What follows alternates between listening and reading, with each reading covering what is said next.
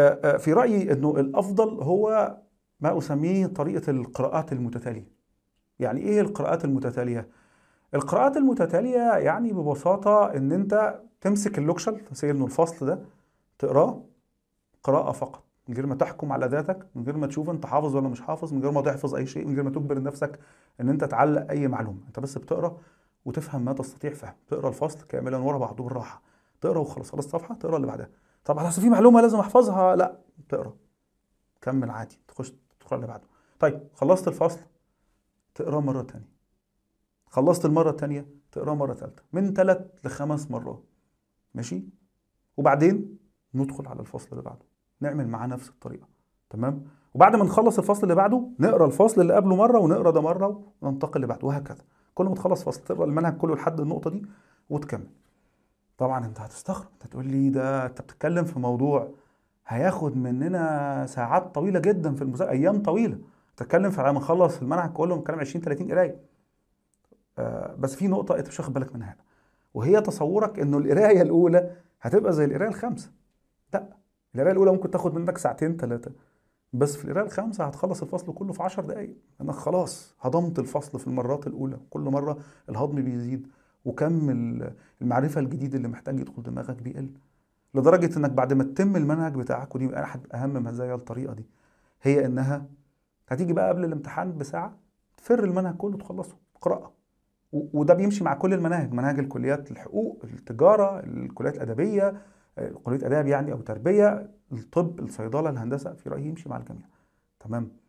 الطريقة دي مميزة جدا مش بس إنها بتثير بصرك بإنك بتشوف نفس المعلومة أكتر من مرة على فترات متقطعة.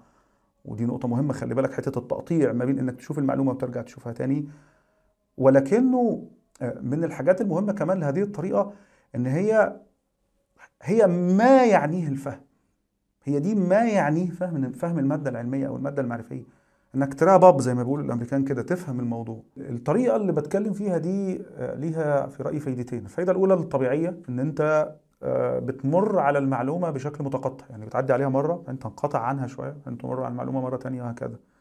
والتقطيع ده مهم في الذاكرة. لما بتفضل مع نفس الشيء مرة واحدة ممكن دماغك يتحيز لفهم شيء ما بطريقة خطا أو يراها بشكل ما هي مش مظبوطة وخلاص أنت معاها على طول.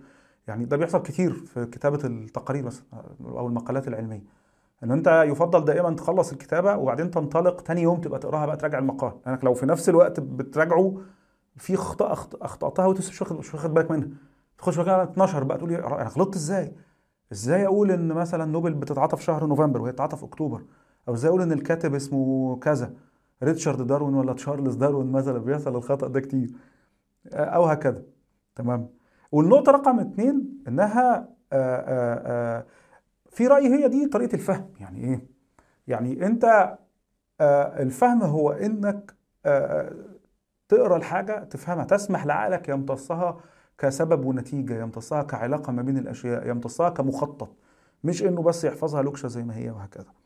ده بيضيف أداة جديدة للمذاكرة وده بيحفز جدا الحفظ. وسلام الصوت في طريقة لطيفة جدا اسمها طريقة فاينمان الفاينمان تكنيك مشهورة جدا على اليوتيوب.